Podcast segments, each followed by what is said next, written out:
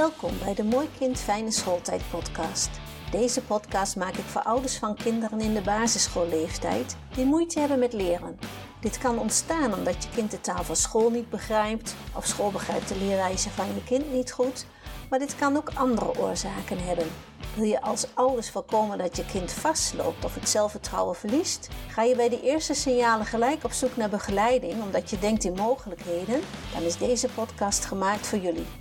Want ik weet dat er nog heel veel mogelijkheden zijn voor je kind. Met deze podcast help ik jullie graag bij jullie zoektocht naar de beste ondersteuning. Deze podcast lijkt me het een goed idee om er eens van uit te gaan dat we allemaal, of misschien alleen onze kinderen, in de jungle wonen of opgroeien. Of in ieder geval op een plaats waar minder welvaart is. Want als we het over welvaart hebben, dan is de uitleg voor iedereen verschillend, denk ik. De een zegt welvaart is voor mij drie keer per jaar op vakantie en een goed gevulde zak met geld.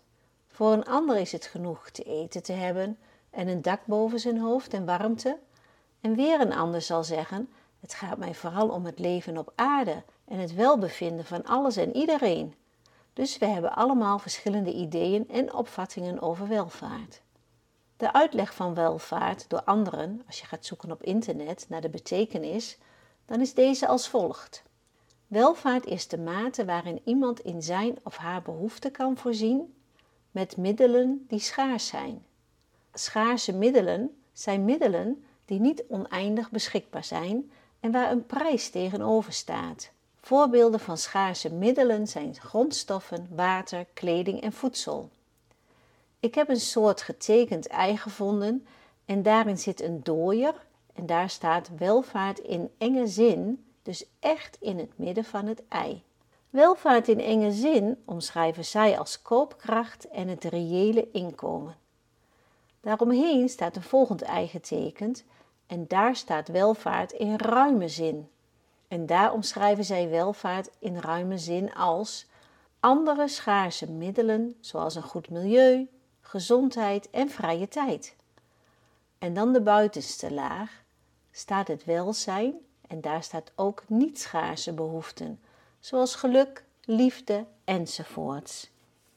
In enge zin, welvaart meten betekent dus welvaart meten uitgedrukt in geld. Je kijkt dan bijvoorbeeld naar het BBP.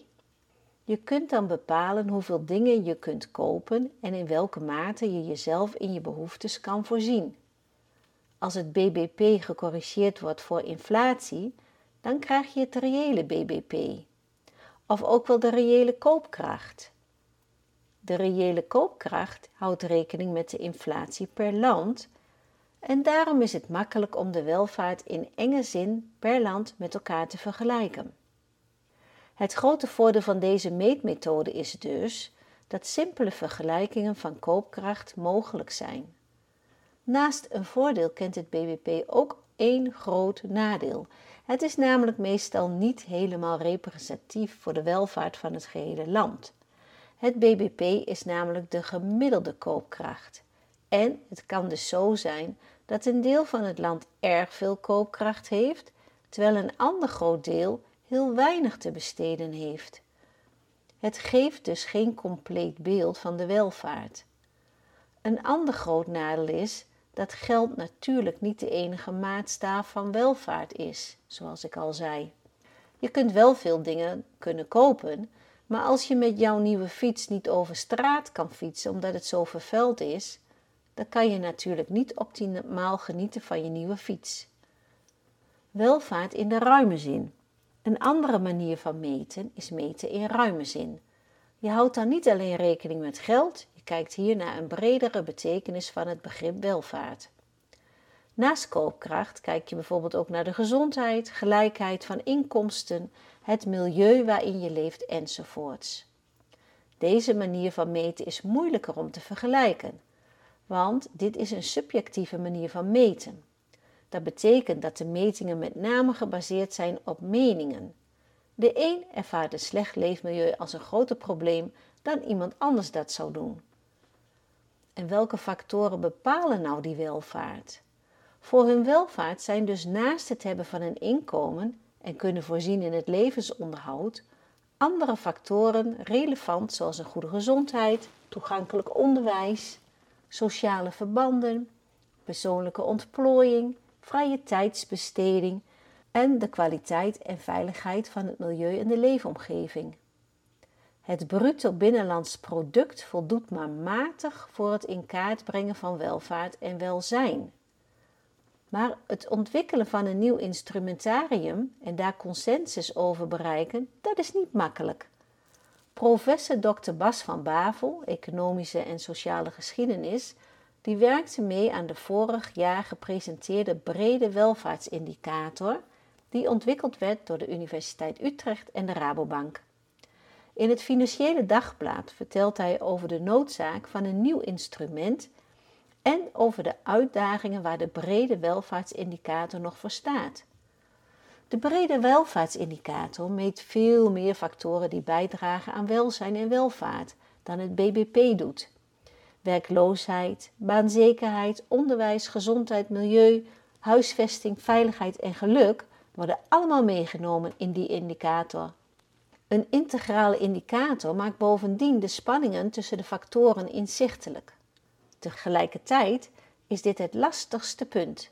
Als uiteenlopende aspecten in één indicator worden uitgedrukt, is de vraag: hoe kom je tot de juiste weging? Hoe bepaal je hoe duurzaamheid en levensverwachting zich tot elkaar verhouden? Die vragen zijn niet bevredigend opgelost. Van Bavel geeft aan dat er hard gewerkt wordt om de wegingen verder te verbeteren aansluitend op het werk van onder andere Oeso.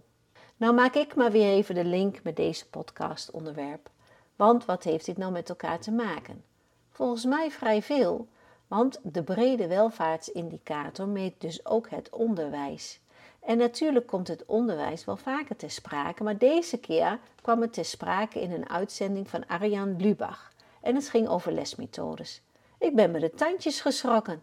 Als je de uitzending terug wil zien, dan kan dat natuurlijk, maar misschien eerst maar even verder luisteren. In die uitzending kwam naar voren dat de uitgeverijen van lesmethodes de baas in de klas zijn en niet de leerkrachten zelf. Er kwam in naar voren dat er geen schriftjes gebruikt mogen worden, alleen de meegeleverde invulboeken.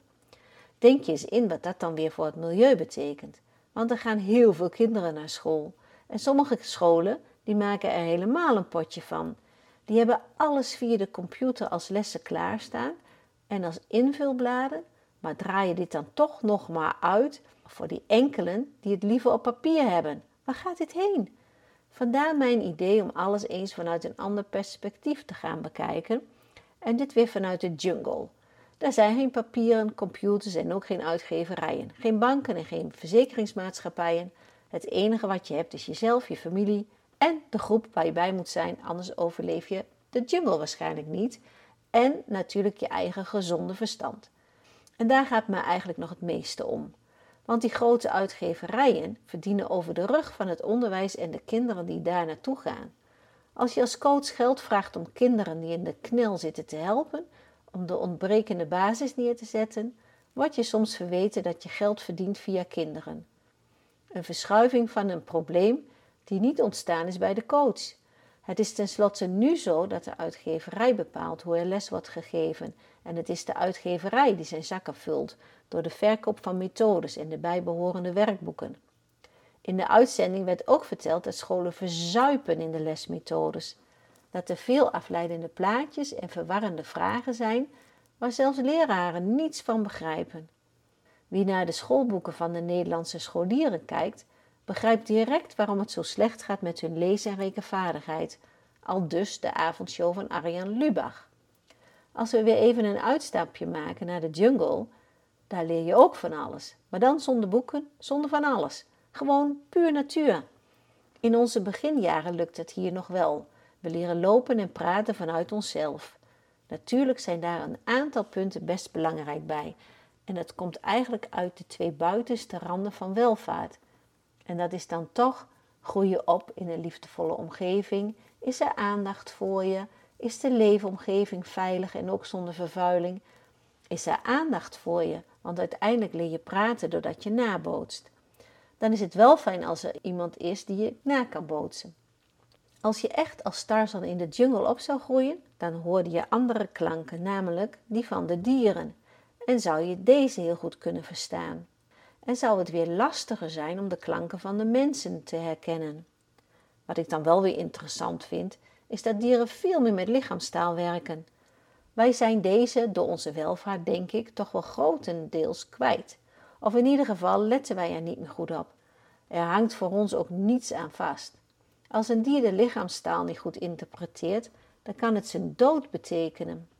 Wij leven naar het verkeerd lezen van lichaamstaal gewoon door.